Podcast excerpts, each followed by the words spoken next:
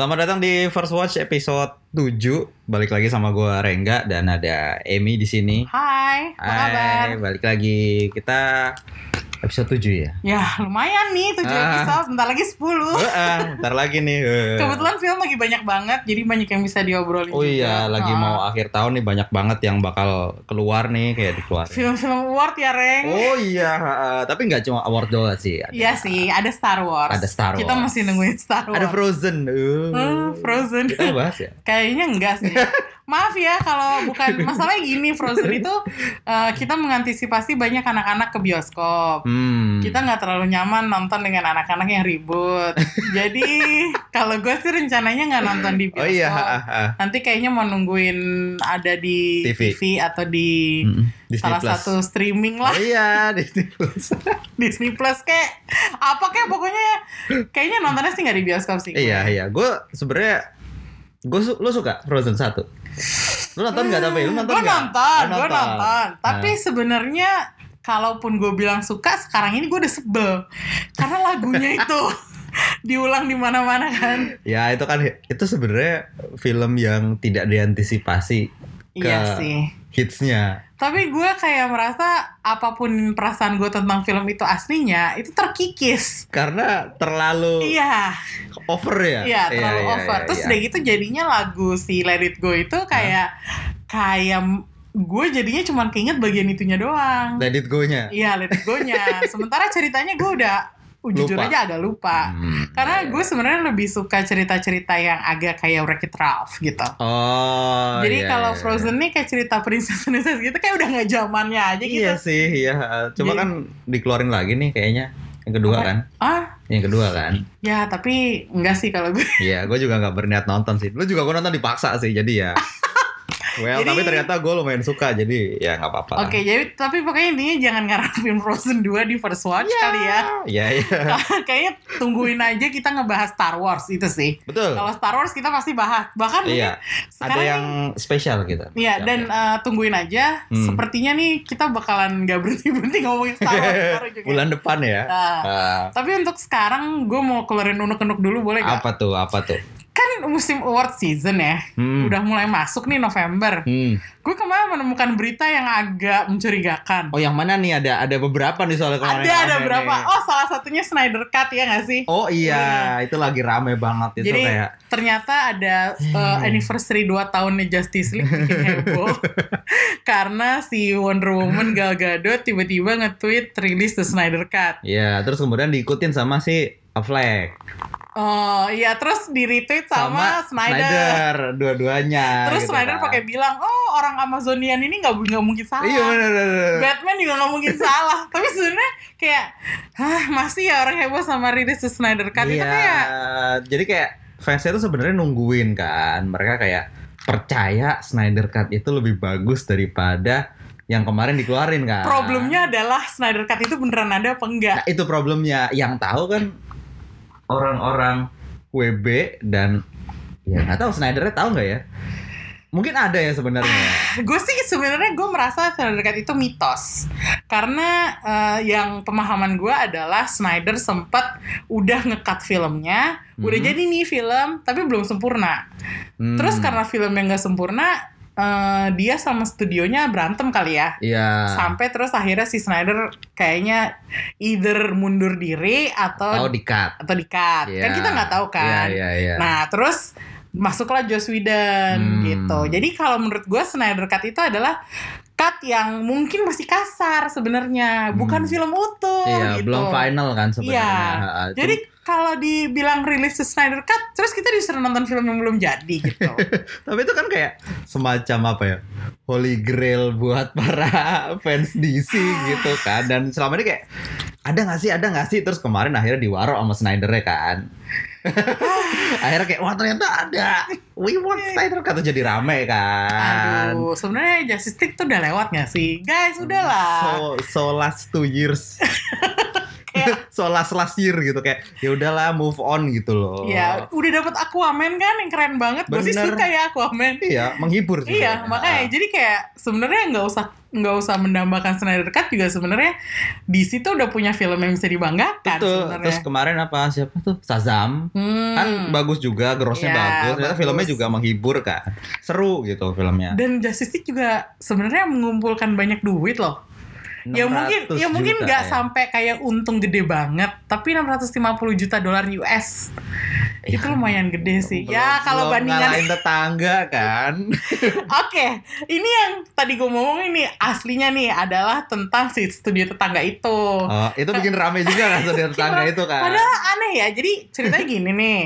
Martin Scorsese itu uh, filmmaker legendaris yang udah bikin banyak banget film. Tiba-tiba dulu waktu dia lagi promosiin film dia di Netflix, Irishman, Hmm. Dia bilang katanya dia nggak nonton film-film Marvel karena Karena? film-film Marvel bukan sinema. Menurut dia Oke. film-film Marvel itu adalah theme park. Iya, gue mengerti sih. Gue mengerti. Iya. Gue mengerti, gue Gue mengerti. ngerti banget Gue ngerti perasaannya banget. Om Oke, Scorsese gitu. ini. Iya. Opa lah. Opa, opa. Scorsese. Gue ngerti Opa. banget. Gue ngerti banget Opa. Jadi Korea gue ya. Salah. Tapi Iya, eh, iya. tapi terus yang gue nggak ngerti adalah kok tiba-tiba muncul lagi sih oh ternyata statement Scorsese ditanggepin sama Joe dan Anthony Russo Karena sutradaranya mereka, lagi Avengers. lagi apa? Eh, film apa sih? Mereka film bareng baru sama- kan? Iya, jadi mereka bikin film baru sama Chadwick Boseman. Oke, iya iya iya iya. 21 Bridges. Mhm. Nah, itu film thriller gitu deh. Setahu gue ya, film Ah, polisi kalau nggak ah, salah. Terus mereka nanggepin, si Joe-nya bilang Pas katanya lagi interview ya. ya lagi interview, Iya. dia bilang katanya ya sinema tuh eh, intinya adalah buat kita film-film Avengers itu film yang menyampaikan emosi karena yang di, yang dipermasalahin sama Opa Scorsese adalah itu film-film Avengers nggak ada film-film MCU tuh nggak ada Emosinya. emosinya. Ah. Jadi dia bukan film yang menyampaikan kaitan emosional atau psikologis antar manusia gitu kan. Hmm. Tapi di counter sama Joe Russo dibilang ada kok gitu. Dan kalau nonton Avengers Endgame ya itu ada banget kan. Itu film kan Eh, iya emang mungkin mungkin sih gitu. oh Opa Scorsese maksudnya antar manusia ya masalah di Endgame juga nggak cuma manusia kan iya sih. ada pohon, iya ada, ada pohon, rakun, rakun, ada alien ada Iya, robot ya ngerti sih. Tapi Ah. maksud gue, jadi oh ternyata ributnya karena itu. Tapi terus gue mikir lagi ya ini ribut kenapa sih? Kenapa baru sekarang ditanggepin? Soalnya orang-orang tuh udah pada nanggepin tuh dulu. Eh, Kalau nggak salah James Gunn pernah nanggepin, Ah. Samuel Jackson pernah nanggepin. Iya, Feige juga kayak sempet ngomong Ya, apa terus gitu kan. Gue mikir, kok Russo Brothers baru sekarang pas lagi promo filmnya. Ternyata. Ternyata, jangan-jangan ini ada Jangan-jangan. kaitannya dengan Avengers Endgame masuk for your consideration Oscar Buat barengan ya. sama Irishman. Irishman. Bisa jadi mereka saingan. Ah, Terus kayak biar bikin hype lagi ya. Hmm, Udah kita ribut aja yuk gitu, biar naikin. Oke. gitu. kenapa jadi ribut gini sih? Maksud gue, gue gak mihak siapa-siapa ya. Gue menghargai Opa Scorsese sebagai filmmaker. Gue menghargai Kevin Feige dan timnya Hmm. nah, untuk bikin MCU. Nggak ada yang bisa bikin film segitu interconnected Iya, selama ha, ha. berapa 10 tahun dengan Hmm. jumlah 20-an film. Itu cuman Feige yang bisa ngelakuin Iya, gitu. they, Jadi they catch the lightning lah. Nggak ada Jadi, lagi yang bisa intinya dua-duanya itu sama-sama punya keunikan masing-masing. Jadi gue nggak mihak. Tapi gue sekarang bingung aja. Kok ribut ya orang-orang? Terus gue jadi curiga apa jangan-jangan ini beneran mereka lagi kampanye ya Ren? Gue gue cukup mendukung konspirasi teori itu. Soalnya kalau enggak ngapain ribut-ribut coba? Iya, kayak nggak nggak ada yang nggak ada yang perlu diributin kan sebenarnya Iya. gitu kan. Terus sampai akhirnya eh, ini kan sebenarnya cuma dimulai dari itu doang. Tapi bala-balanya MCU nih jadi kayak ribut gitu berisik ah gitu apa sih kayak Terus aduh nyeret-nyeret Alan Moore. Iya, Alan Moore dibawa-bawa gitu kan. Padahal Alan Moore tuh kayak setahu gue dia tuh sudah officially mundur dari dunia apa ya komik dan dunia entertainment lah. Kayak Iya. jadi jadi hermit or something gitu kalau nggak salah kan dia Dan tuh. eh, pernyataan dia yang mengatakan bahwa dia juga nggak suka film-film superhero atau komik superhero itu ternyata bukan pernyataan baru juga. Tapi nama dia jadi keseret-seret lagi dibanding-bandingin sama pernyataan Scorsese. Hmm, Jadi hmm. kalau menurut gue ini semuanya kayak lagi ribut aja. Terus gue yang ini kenapa jadi heboh gini ya? Sebenarnya nggak ada yang harus diributin sih. Iya. Jadi ributnya tuh gue merasa kayak, aduh ini kayaknya gara-gara award season mau mulai nih tiba-tiba semua orang jadi kayak heboh sendiri gitu. Kayaknya bisa sih ntar untuk tiba-tiba. membangkitkan hype, Hmm. terus jadinya orang kayak makin berkampanye. Endgame masukin jadi nominasi Best Picture, Iya. Irishman masukin jadi nominasi Best Picture. Joker. Iya. Oh, ya. Aduh, film itu lagi. Tapi maksud gue kayak, ya sebenarnya ribut-ribut ini meskipun gue nggak mihak siapa-siapa, gue jadi kepikiran juga sih. Karena ya akhir tahun deh zaman-zaman merenung gitu kan. Emang. Terus jadi kayak orang ribut-ribut tuh jadi kepikiran juga gitu loh. Orang ribut-ribut kita nggak mikir nggak ikut ribut sih lebih kayak mikir ini kenapa sih ribut-ribut gitu Iya. kan. Iya betul juga. Tapi gue yakin banget nanti pada saat kita makin mendekati tahun baru, Hmm? Di mana film-film seriusnya nanti bakalan keluar barengan Hmm. sama Star Wars, Ah, itu bakalan jadi banyak kontroversi-kontroversi lain gitu nggak sih? pasti. Iya nggak sih? Pasti yang jadi kontroversi adalah gue yakin Star Wars pasti dimasukin ke nominasi kan. Iya. Itu pasti orang-orang pasti bakal, bakal ribut lagi nih. Iya. Paling enggak soalnya eh, setahu gue Star Wars tuh selalu masuk nominasi untuk bagian yang teknikal. Oh, kayak kayak, VFX sound, ya, iya, iya, VFX, sound design kayak gitu-gitu Iya. pasti masuk. Tapi kalau buat acting bla bla gitu pasti nggak mungkin masuk. Iya. Kayak kemarin yang kontroversi kan Black Panther masukin Best Picture kan. Iya. Cuma kayak itu buat hura-hura doang sih. Buat ini, buat brand image. oh iya bener. Eh, Endgame juga gitu kayaknya kan. Iya, awareness gitu ya. Kayak, Ah. oh kita Marvel. Masuk nominasi. Ah. Jadi sebenarnya eh, kayaknya eh, bukan cuma masalah yang apa namanya eh, orang-orang pada nggak seneng soal Last Jedi yang bakalan Hmm, jadi kontroversi, Iya, tapi iya, juga iya.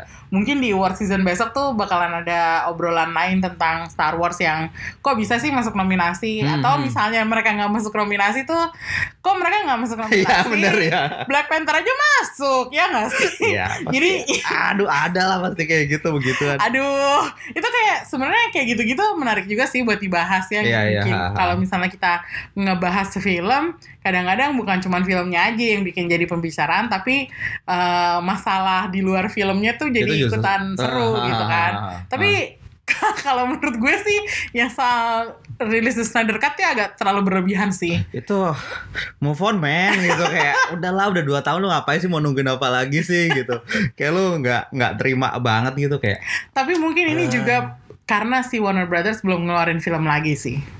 Ngeluarin film lagi apa nih Maksudnya kayak belum ada film DC lainnya.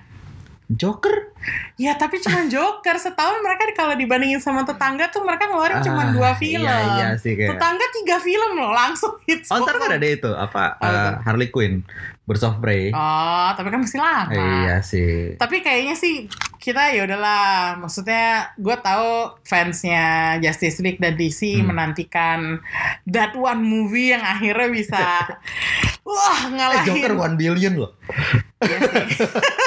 Tapi kayaknya Joker itu, aduh kita jangan ngomongin Joker lagi lah, itu episode 1. Kalau pengen tahu pendapat kita soal Joker, dengerin aja dengerin lagi. episode satu ya. Tapi udahlah, just let it go, Snyder Cut. Terus, eh, lepaskanlah Scorsese versus Marvel Iya. kayaknya udah... oh ntar lo kalau Ah. misalkan keluar nih lu pengen nonton nggak Snyder Cut lu nanya, pena- lu penasaran nggak lu penasaran nggak lu penasaran nggak kalau ada, kalau Ah. beneran versi Snyder Cut itu adalah film yang udah jadi dan bener Ah. dan udah perfect dengan segala macam VFX segala Ah. macam, gue mau nonton.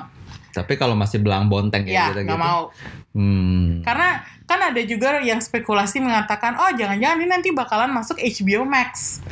eh gue juga sempet baca konspirasi teori ini bakal dikeluarin buat eh, special edition Blu-ray-nya. Dulu rumor itu udah keluar, tapi Iya nggak sih. nggak kejadian juga kan? Tapi sebenarnya kalau kalau kalau WB mau duit ya keluarin aja Blu-ray baru.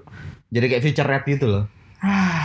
Film aslinya udah jadi sama feature rednya But- itu gitu. Oke, tapi kalau gue tetap pengen nontonnya kalau emang terbukti Udah bahwa jadi. itu udah jadi. Oke. Karena buat gue gimana ya susah untuk me- menilai sebuah film kalau semuanya itu belum lengkap, belum jadi. Karena Belum itu nggak ada gunanya. Iya benar ha. Ya sekarang balik lagi ke pernyataan Opa Scorsese ya.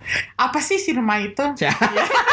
eh kok jadi berat? Serius jadi berat, banget nih. serius. serius banget nggak tapi maksudnya gitu gitu loh maksudnya kalau menurut Joan Anthony Russo mereka tetap menganggap film-film MC itu adalah film-film yang emosional Hmm. sinema tuh ya kalau buat gua sinema itu adalah nggak harus jadi yang terlalu berat banget yang Hmm. penting menghibur Iya iya iya. jadi kayak kalau filmnya terlalu sedih pun gua nggak mau nonton gitu loh Iya, tapi Jadi- itu kan jadi kayak sangat subjektif ya. iya Iya. jadi emang. intinya kan definisi sinema tuh kan subjektif berarti subjektif ya, emang tiap orang punya definisi masing-masing. Kalau Kan? kata Anthony Russo, sinema itu bahasa New York. Mereka dari dari Ohio. Jadi di di Ohio katanya istilahnya movies. Asik. Asik juga nih Anthony Russo. Istilahnya oke juga nih. Tapi maksud gue kayak gitu kan. Jadi kayak eh, apa ya? Kalau buat gue sinema apa pun boleh lah. Tapi filmnya udah jadi. Jangan setengah-setengah terus lo keluarin. Oke. Kalau itu beneran cuma money grab doang sih kalau buat gue. Iya, WB kan gitu. Ah, lu jangan nyalahin studio Gue lo. kan jadi studio, Nanti coba nggak kan. diundang loh. Oh iya, maaf ya. Maaf ya. I take that back. ya, tapi bener juga sih. Ah. Kalau lo mau nonton, Gue penasaran sih, tapi gue gak mau bayar. Kalau misalnya ada keluar nih, ya udah di HBO atau apa, gue pengen lihat aja gitu kan. Tapi kan lo bayar HBO, men. Ya tapi kan itu paketan, namanya main lain. bener juga. Nggak Ah. cuma dapat tuh film doang Iya, ya. gue sebenarnya pengen membuktikan mitos itu benar adanya atau enggak, lebih Oke. bagus atau enggak. Soalnya menurut gue uh, Justice League yang kemarin itu belang bonteng banget emang Iya. beneran. Se- uh, visi dua orang sutradara gitu kan, Iya. ketahuan banget gitu. kan. kayak kayak apa sih? Dua film berbeda tapi dipaksain jadi, Jadi satu, satu, gitu. iya kayak ada dua bagian yang kelihatan banget lah gitu. Nah, gue pengen lihat kalau emang beneran jadi atau nggak jadi paling paling nggak gue pengen lihat visinya Snyder tuh kayak gimana sih gitu. gitu. Oke. Hmm. Soalnya gue suka Man of Steel Oke. dengan segala kekurangannya menurut gue itu film keren. Cuma en- Hmm. cuma endingnya aja nggak Hmm. pas gitu kan. Kalau gue sejujurnya gue bukan fans beratnya Snyder. Hmm. Gue bisa dibilang mungkin eh, alasan kenapa gue selama ini nggak terlalu get into film-film DC hmm? itu adalah karena yang ditunjuk menjadi Feige-nya itu tadinya adalah Snyder. Ya, Uh, gue sebagai penggemar film, gue lebih selera sama contohnya film-filmnya James Wan. Oke. Karena gue ngikutin karirnya James Wan dari lumayan awal kan. Hmm, hmm. Jadi Bukan dengan karena dia orang Malaysia. bukan. gue lebih mikir gini, kok ada sutradara horor bisa bikin film superhero itu Oke, sih. ha, ha. Nah, jadi kalau gue uh, Aquaman gue suka banget. Ah. Shazam gue suka. Ah, Tapi itu karena mere- mereka itu berdua film film itu Aquaman dan Shazam mewakili eh, esensi mewakili esensi esensi dari komik di hmm. format film. Oke. Fun Jadi- ya, menghibur. Iya, fun gitu, menghibur, gitu, tapi kan. ada cerita emosionalnya juga. Iya, iya. gitu. Dan kalau bisa dibilang dua film itu lumayan secara spektakel Hmm? atraktif gitu. Oke. banyak yang serunya Iya, gitu iya, iya. secara visual sangat menarik gitu. Ah, Kalau gue awal-awalnya nggak terlalu ngikutin film-film DC tuh lebih karena yaitu reng dark. Udah gitu kadang kepanjangan gitu Oh, loh. iya, iya, Jadi iya, banyak iya. kalau Snyder tuh tipe cerita yang dia sering sampaikan tuh rada ngalor ngidul. hmm. Jadi, Itu yang bikin gue nggak terlalu gue baru mulai nonton serius tuh Wonder Woman karena Wonder Woman itu selain karakter utamanya cewek, Hmm. eh, menurut gue secara visual tuh juga menarik Hmm. gitu. Nah itulah makanya gue kenapa nggak terlalu antusias dengan Snyder Cut itu adalah karena ya gue nggak Emang lu nggak nggak suka ada. gayanya Iya, dia? jadi kayak ya udah mau dibilang apa ya, mau dibilang ada nggak ada nggak bermasalah juga di gue. Cuman kalau lo bilang "Ah, Wonder Woman eh, ada versi cut sutradara lain, wah gue pengen nonton karena gue pengen bandingin. Ya ya ya ya. ya. Apakah bener lebih bagus apa enggak gitu Nah, misalnya karena atau lu basically emang nggak suka sama Snyder, gayanya Snyder ya gayanya Oh, Snyder oke, gitu. iya, iya. Secara visual bukan tipe gue. Bahkan waktu dia bikin Watchmen, Hah? terus dia bikin 300 ya. 300 ha. menurut gue itu apa ya butuh berapa waktu sampai gue bisa mengapresiasi itu gitu. Hmm, Jadi emang ya, ya, gue ya. sama dia kurang cocok lah mungkin Oh, gitu. gitu. Jadi ya ditanya nonton apa enggak ya gimana ya ya mungkin sama kayak lo jadinya mau nonton tapi ada lo kan nggak mau nggak mau bayar Gue nggak mau bayar. gue maunya nonton kalau udah rapi Oh, Oke. gitu soalnya kadang filmnya Snyder udah rapi aja masih banyak yang gue kritik gitu apalagi kalau belum rapi sama sekali gitu loh Tapi menurut gue Snyder tuh tipikal sutradara yang saklek ngerti gak? Dia punya gayanya sendiri. Iya Dan dia punya visinya sendiri. Gue pengen lihat itu aja makanya jadi kalau dia tiba-tiba di edit sama atau dilanjutin sama orang kayak Joss Whedon yang juga punya gaya sendiri Iya. itu jadinya kacau banget Makanya itu yang terjadi dengan Justice Iya, League. makanya Ya. ini sebenarnya menarik juga sih buat dibahas lebih lanjut tapi sebenarnya inti podcast ini bukan Bukan bukan ini kita nggak ngomongin itu sebenarnya panjangan aja ini sebenarnya. yang kita pengen bahas tuh gitu. adalah Charlie's Angels Oh, tapi iya. ada kaitannya juga mungkin karena gue sama Renggar ada agak sedikit beda pendapat nih Charlie's Angels Oh iya, kita mau bahas Charles Angel yang baru nih. ya tahun 2019 tiba-tiba muncul lagi Charlie's Angels di yang disu- uh, disutradarain oleh Elizabeth, Elizabeth Banks. Banks yang mana kita tahu uh, apa namanya CV-nya baru Pitch Perfect aja ya dia sebagai sutradara kayaknya sebagai iya sutradara ya. Iya, iya. Kita tahu kan dia cuma se- uh, sebelumnya aktris kan. Iya. Terus sutradarain Pitch Pitch Perfect 1 2 3 ya. Kalau nggak salah ya deh Oh ya, mereka semua terus tiba-tiba balik nongol bikin Charles Angel gitu kan. Mm. Gue waktu pertama kali nonton, gue merasa ini Pitch Perfect plus action. Ya. gue setuju, gue setuju, gue setuju. Iya nggak? Gue bener, gue setuju. Kalau lu nonton Pitch Perfect 3, which is the last Pitch Perfect, Hah? eh, di situ juga ada unsur-unsur espionasnya. Oh iya. Kalau Iya, nggak iya, salah iya. kan salah satunya ada yang diculik apa gimana gitu. Ah, terus ternyata bapaknya si siapa tuh? Si Rebel Will eh, Rebel Wilson. Rebel Wilson kan Iya, Rebel ya. Wilson, Eh, ternyata bapaknya orang jahat. Iya. Gitu kan. Jadi satu tim itu harus ngalahin villain yang ada di yacht di mana, Iya. tapi dikalahkan dengan kekuatan nyanyian. Itu aneh. itu aneh itu aneh sih. Tapi maksud gue dari situ kita kita ngerti lah kenapa Elizabeth Iya. Banks ditunjuk buat nanganin proyek Charlie's Angels Dirasa ini. mumpuni lah. Ya. gitu. Yang ternyata Sebenarnya sebenarnya oke Elizabeth Banks. Kita ngomongin ya film-film dari sutradara cewek ini sebenarnya nggak banyak kan. nggak banyak. Dan sekarang di era Me Too itu kan jadi kayak lu punya film wok ya. disutradarain sama cewek itu Hmm. kan pencapaian ya Iya. dianggapnya gitu Dianggap kan. banget dah. Eh, gue sih dari kalau kita mandang dari segi feminism atau equality atau kayak Hmm. gitunya bahwa Elizabeth Banks ditunjuk buat nyutradarin film ini itu sebenarnya oke banget Iya, karena iya, film iya. ini tentang cewek harusnya nyutradarin cewek Iya iya itu beda kan banget sama film-film 90s film-film tentang cewek tapi nyutradarin laki semua Iya ta- tahun itu kan sedikit banget kan Hmm, saudara cewek sedikit. paling eh, yang cukup kondang siapa tuh mantan istrinya James Cameron? Eh, yang menang Oscar ya Iya siapa sih kok gue Eh, lupa. Hurt Locker Hurt Locker Iya Hurt Locker. aduh eh, maaf ya Gue lupa lupa namanya. namanya Iya itu kan Iya. cuma dia aja kan yang yang menonjol pada zaman itu kan. Ya, Kalau- sekarang ada Ava DuVernay, Ah, ya kan? terus ada, Terus ada si- saudaranya Wonder Woman. Iya, betul. Terus ada sekarang salah satunya adalah Elizabeth Banks. Iya. Tapi sayangnya, Reng, untuk sebuah Charlie's Angels eh, yang penuh action, kayaknya agak jatuh nih Elizabeth Banks. Iya. Sutradarainnya ya nggak sih? Jatuh banget menurut. Sebenarnya, sebenarnya, sebenarnya bukannya dia nggak bisa. Tapi gue sekarang mempunyai kecurigaan konspirasi teori lain. Karena di film ini Elizabeth Banks juga memerankan seorang karakter yang sangat penting, si Bosley. Bosley. yang mana di sini eh, apa ya di diganti ya kayak Bosley-nya kalau dulu kan Ya, cuma satu jadi sekarang eh, banyak gitu. Bosley itu ternyata adalah jabatan, Bu- bukan jabatan ya apa kayak Eh, ranking. iya ranking Ya, Ya, ranking. Jadi kayak sergeant atau lieutenant bilang gitu, letnan. ya. letnan Ya, letnan ya, jadi kayak Bosley itu adalah per- eh, pangkat gitu. iya pangkat Ya, benar nah terus udah gitu jadi eh, di setiap negara punya Hmm. Masing-masing. Hmm. Salah satunya adalah Jimon Honsu.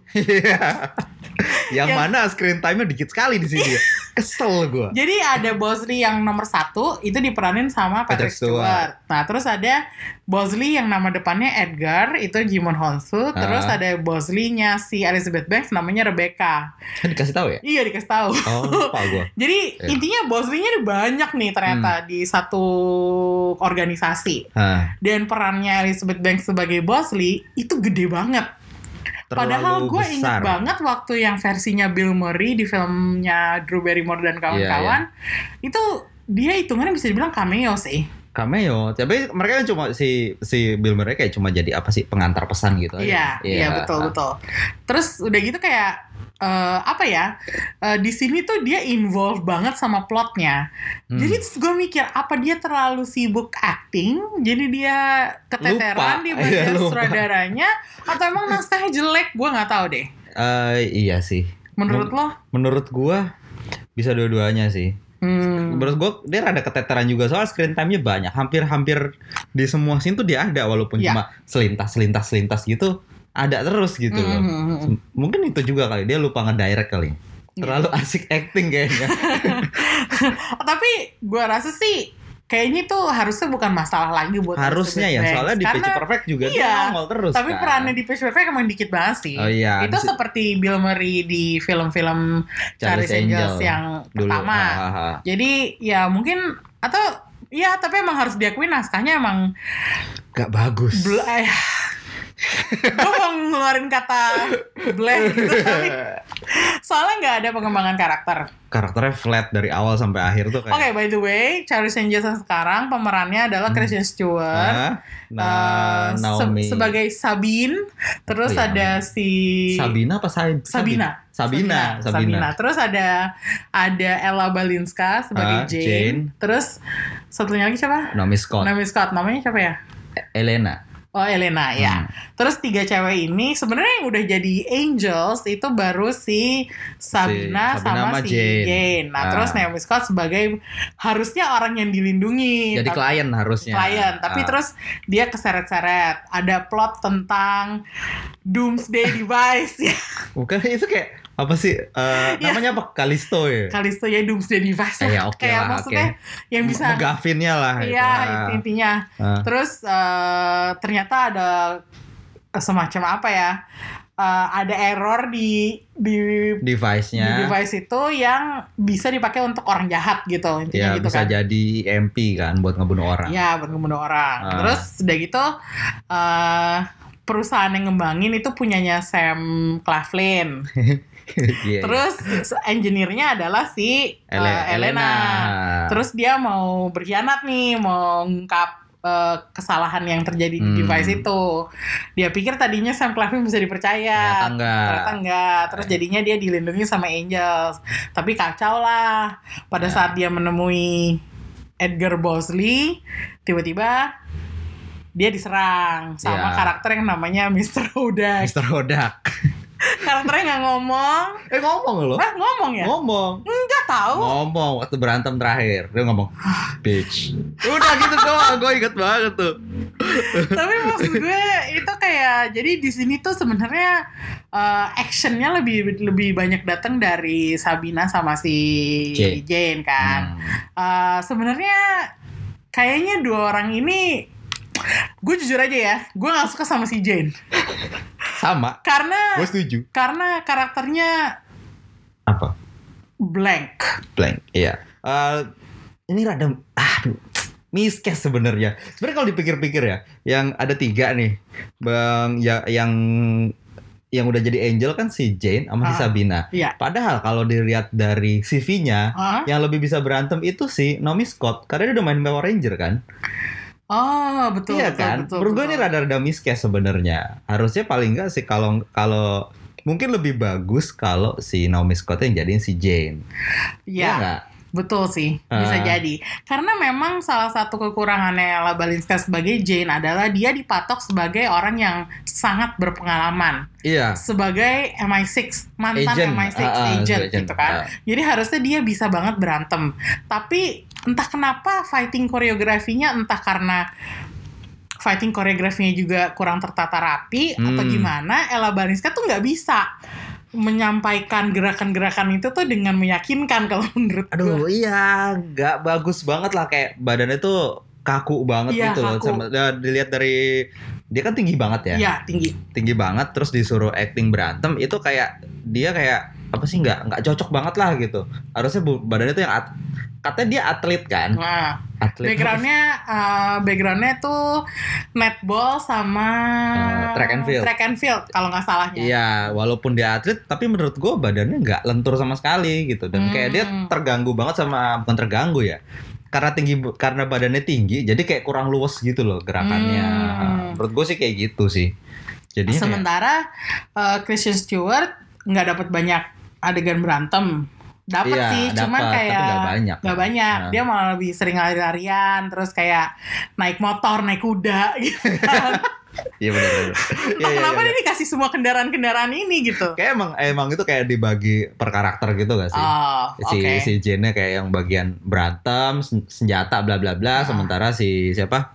Sabina. Sabinanya bagian infiltration bla bla bla kayak Ah. gitu. Gitu si Elenanya jadi bagian hacking bla bla bla kayak gitu. Oh, gitu kan oke, oke. itu per Berarti karakter bisa- banget kan. Oke oke, tapi tapi kurang ya, maksudnya kayak kurang menaruh peran-peran seperti itu tuh nggak cukup untuk mendefinisikan karakter mereka. iya iya iya. Karena di, eh, ada satu adegan di film ini di mana eh, mereka tuh terkena musibah lah intinya. Ada ledakan di salah satu safe house mereka, terus apa Elenanya diculik. Hmm. Nah terus si si Sabina sama si Jane berhasil lolos, tapi Sabinanya terluka. Ah, Nah terus si Sabina ini kan sama Jane kan agak harusnya kan mereka agak-agak cekcok terus nih, adu mulut terus nih. Mereka Iya, kayak iya, semacam frenemy gitu lah Iya, intinya. iya, iya. Mereka kurang akur gitu. Terus eh, di ad- waktu udah di klinik tiba-tiba si Sabinanya eh, masih lagi tiduran gitu terus Jane-nya nungguin. Terus tiba-tiba dia nangis nangis. Kenapa? kenapa itu kalau menurut gue itu adegan nangis itu tuh kurang kurang kena karena satu kita nggak melihat dia sebagai eh, pertemanan mereka tuh kuat banget hmm, chemistry-nya kurang nggak sih kurang banget itu kan ya jadi di awal film dikasih lihat kita si siapa sih Sabinanya lagi eh, bekerja bekerja. menggoda seseorang namanya Johnny Australia gitu Ya. kan. Terus itu juga tiba-tiba sih digerebek gitu ada si Jane-nya kan. Hmm. Kita pertama kali lihat mereka adu adu apa sih banter gitu di situ. Hmm. Tapi setelah itu baru ke sana sepanjang film kita dikasih lihat nih dua orang ini berantem mulu ceritanya kan. Tapi nggak ada chemistry-nya. Iya Kayak berantemnya kosong gitu loh. Iya. Terus tiba-tiba ada adegan nangis itu kayak bingung juga gue kenapa dia nangis Aneh ya. gitu kayak padahal sebenarnya gue suka Christian Stewart di sini Iya, iya. Eh, di sini dia selain cantik banget dengan Cakep banget rambut sih ini. yang pendek terus dibikin blonde terus iya, itu iya terus kan dia wow. dia kan kesannya kan uh, orangnya kan selengean gitu kan. Hmm, nah, gue sebenarnya gue suka banget sama karakternya si uh, Sabina ini karena ya itu dan apa uh, di antara tiga orang ini gue emang paling suka se- Iya. dari segi acting ya ada dengan Christian Stewart, Stewart, sih. ha. Nah terus jadinya gue merasa kayak apa namanya nggak si si Jane-nya itu nggak bisa ngimbangin si Si Kristen Stewart si ya. Christian Stewart Iya, iya, karena iya, iya. gue inget banget adegan di mana mereka habis dikejar-kejar sama si Mr. Hodek. Terus Hah? udah gitu kan kalau nggak salah kan uh, mereka kehilangan si Edgar Bosley kan. Terus mereka Hmm. nunggu di lapangan nunggu dijemput. Nah Oh, terus iya, gitu iya, si iya. Christian Stewart-nya si Sabinanya makan sandwich. Ah, Dia coba nawar-nawarin, tapi Iya, terus iya. kayak nggak ada adegan Iya, itu iya, dimaksudkan sebagai komedi, tapi nggak ada sparknya gitu loh. iya, Karena iya, iya. tanggapan dari dua aktris yang lain itu kayak nggak nggak memadai aja gitu. Iya, itu adegan yang menurut gue sangat awkward sih. Awkward banget. Soalnya kayak, kayak ada satu kira kayak di ladang gitu kan, Mm. si Jane-nya tiba-tiba murung di pojokan gitu kayak dikasih sandwich yang- menurut gue Kristen Stewart ya ya oke aja di situ, tapi tanggapannya si Jane-nya bener kayak flat aja gitu. Kalau si Elena menurut gue nggak bisa disalahin, soalnya dia cerita kayak wah habis muntah-muntah Oh, gitu kan iya, iya, ceritanya iya. kan jadi kayak nggak ada nggak ada iya bener nggak ada chemistry-nya gitu Ya. satu sama lain gitu. Jadi terus udah gitu salah satu hal lagi yang memberatkan adalah emang plot film ini tuh kurang kurang rapi ya. Jadi Plotnya standar aja sih Standar menurut gue. Standar tapi kalau sih. menurut gue sebenarnya kayak ceritanya eh gue sih gue sih nontonnya sangat dalam kondisi yang gue menikmati gitu. Gue lumayan terbawa. Ya Gua lo enggak gue Gue enggak, gue enggak. gue karena ada beberapa hal yang bisa gue apresiasi. Contohnya salah satunya adalah tribute ke former Angels. Oh itu gitu. itu bagus tuh, gue Ya. suka. Kayak salah satu caranya adalah nampilin kostum-kostum yang pernah dipakai sebelumnya. Yang di awal juga kan dikasih lihat Ya. tuh slide-slide Hmm. Eh, ada Charles Angel ada si yang dulu kan Ya, jadi kayak apa sih? Gue suka the whole tribute to Angels yang Hmm. berlanjut ke mid credit scene-nya, terus diliatin gimana mereka latihan, terus Ah. Iya, bahkan iya, ada iya. former Angels yang dari serial TV-nya nongol gitu.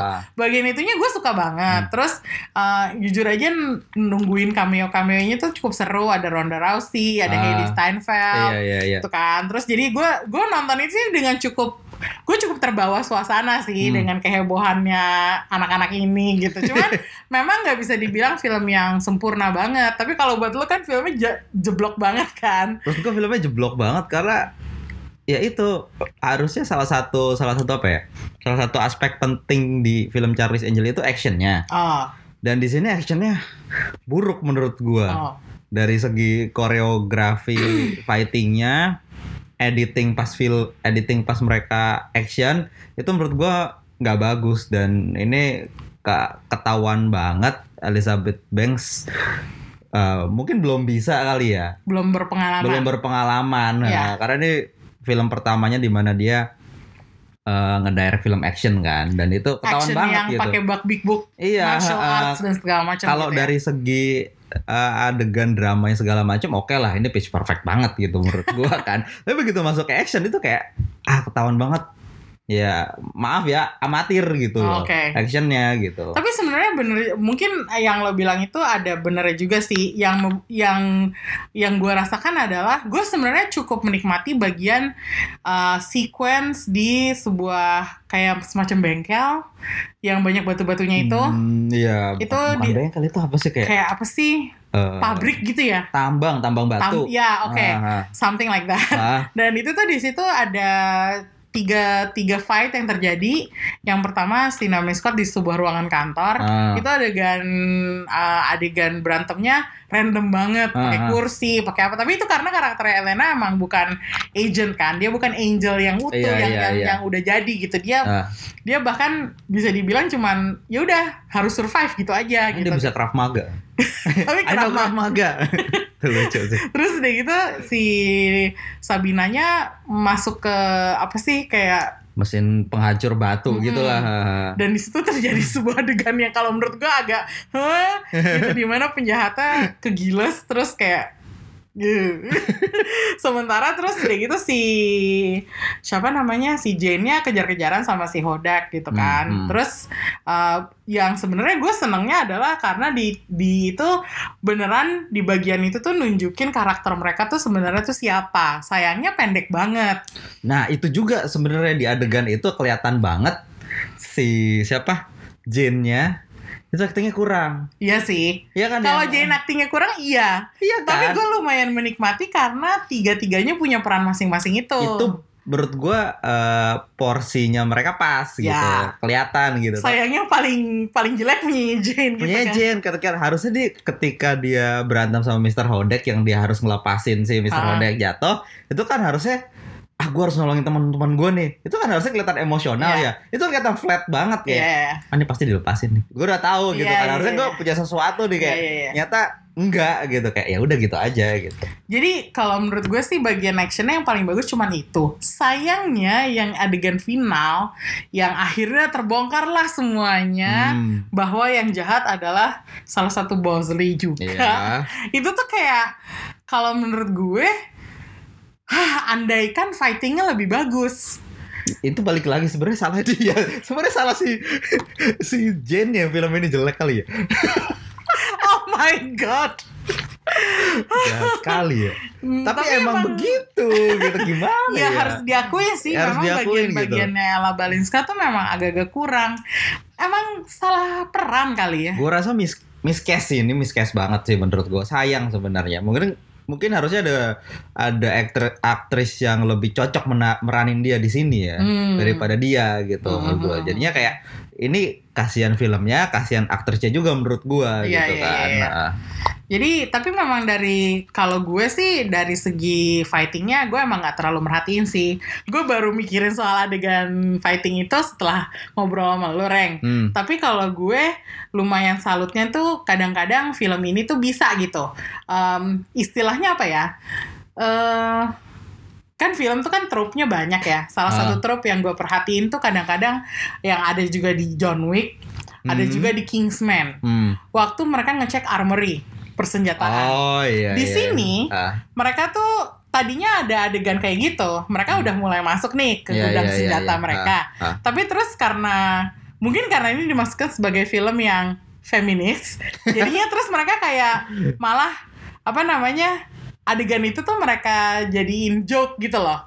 Jadi mereka Hmm. kayak semacam bilang seakan-akan bilang iya kita juga punya adegan ini, cuman intinya film ini tuh Ah. bukan itu. Ah. Karena kalau gue lihat di film-film seperti John Wick atau Kingsman, Hmm. bagian persenjataannya tuh sangat kayak elegan, kayak kesannya tuh itu adalah Hmm. yang itu akan bikin mereka menang gitu. Itu ah, ini cool banget gitu. Sementara di film ini tuh enggak. Iya, Jadi iya, gue iya. merasa kayak bagian-bagian itunya tuh yang terus juga di mana ada sebuah jadi di bagian akhir itu penjahatnya bilang kan you have been outmanned terus kesannya kayak itu gue lupa loh bagian itu yang ngomong adalah si penjahatnya itu si Bosley-nya itu Iya. ya waktu udah dikepung Oh iya iya gue ingat gue ingat. ternyata Ah, ternyata nih Ah. orang-orang yang ada di adegan itu ternyata semuanya angels yang tersembunyi gue suka sih bagian itunya kayak apa ya kayak oh emang ini film nadanya feminis banget jadi Hmm, emang hmm. mereka pengen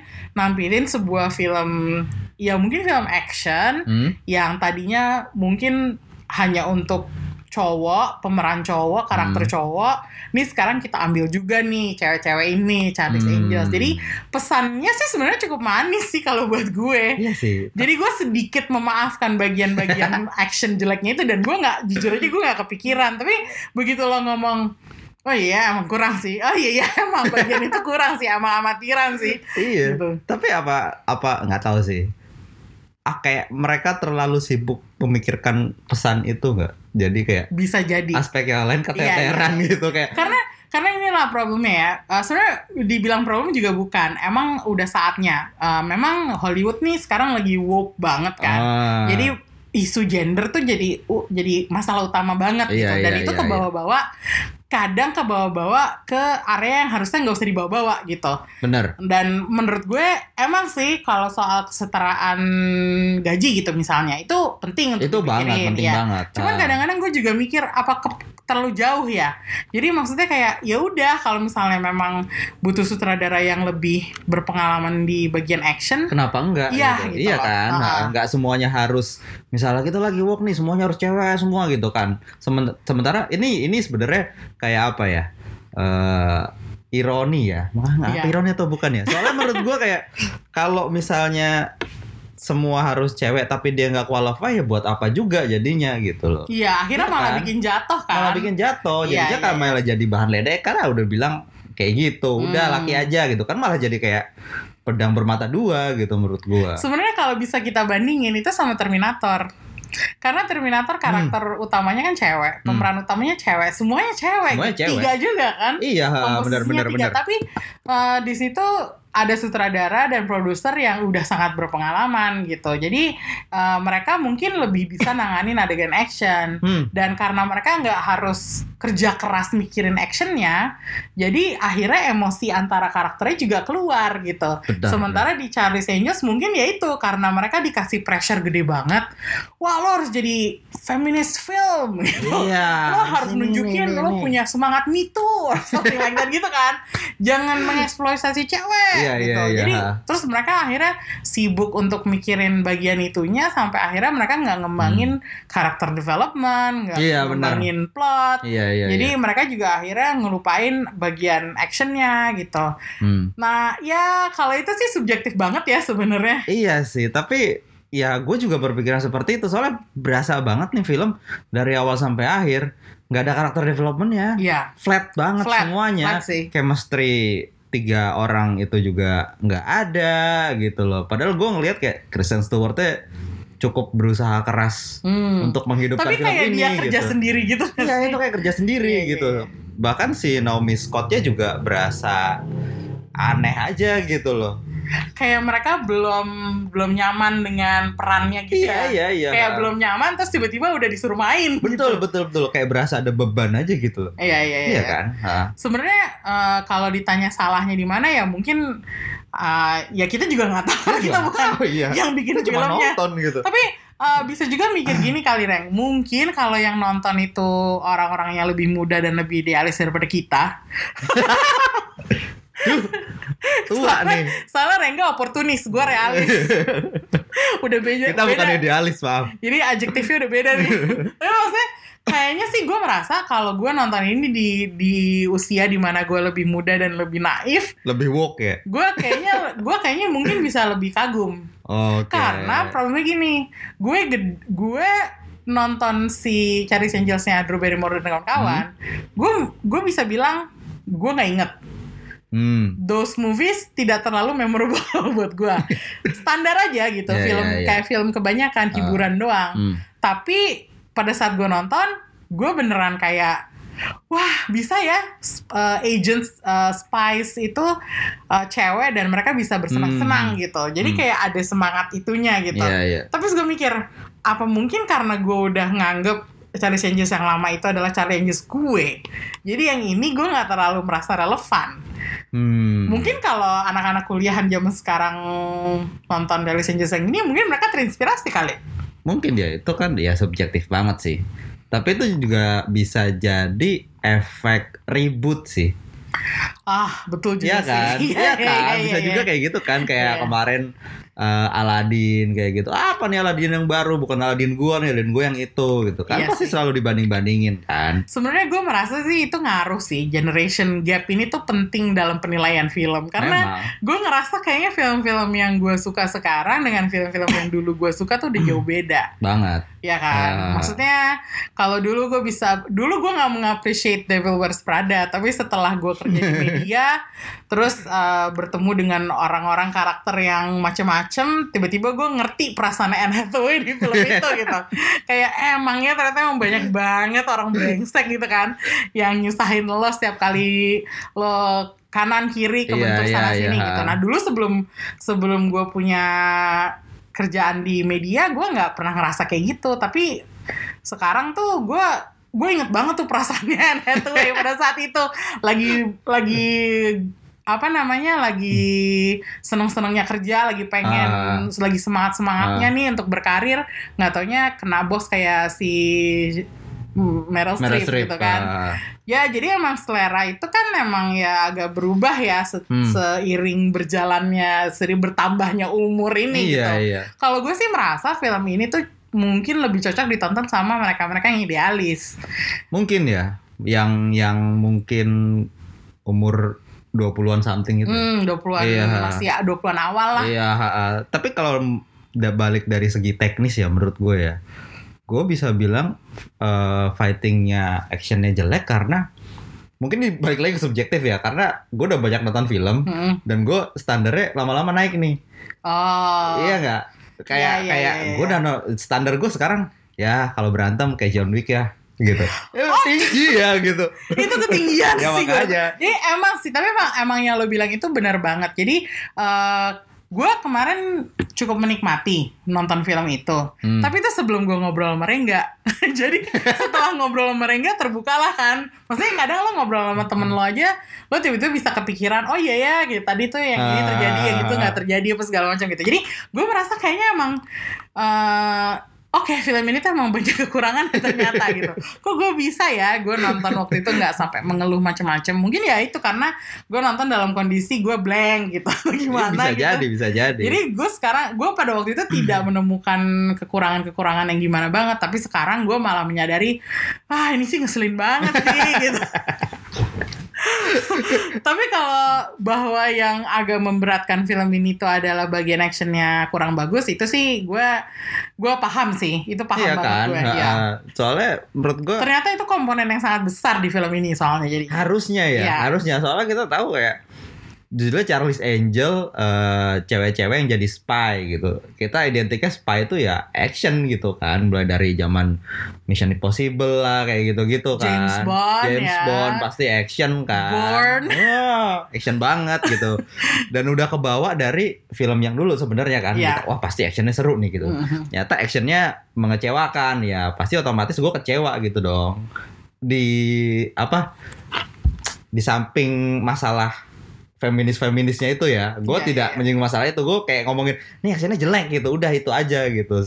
Kalau pesan segala macam itu ya, gue nggak masalah gitu. Kalau emang ada pesan-pesan dari film ini ya, oke lah gitu. Tapi actionnya gitu, intinya tuh justru kurang gitu, kurang ya. kurang gitu. Padahal itu yang menjual gitu. Orang nyari actionnya gitu loh.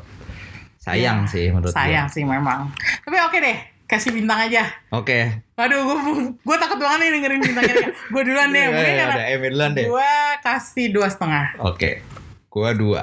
Oke. di bawah tiga nih. Di bawah tiga kali gitu. nih kita ngasih bintang jelek banget. Iya, soalnya emang gue nggak rekomen sih film ini jadinya kayak kalau ada yang belum nonton nggak usah nonton lah.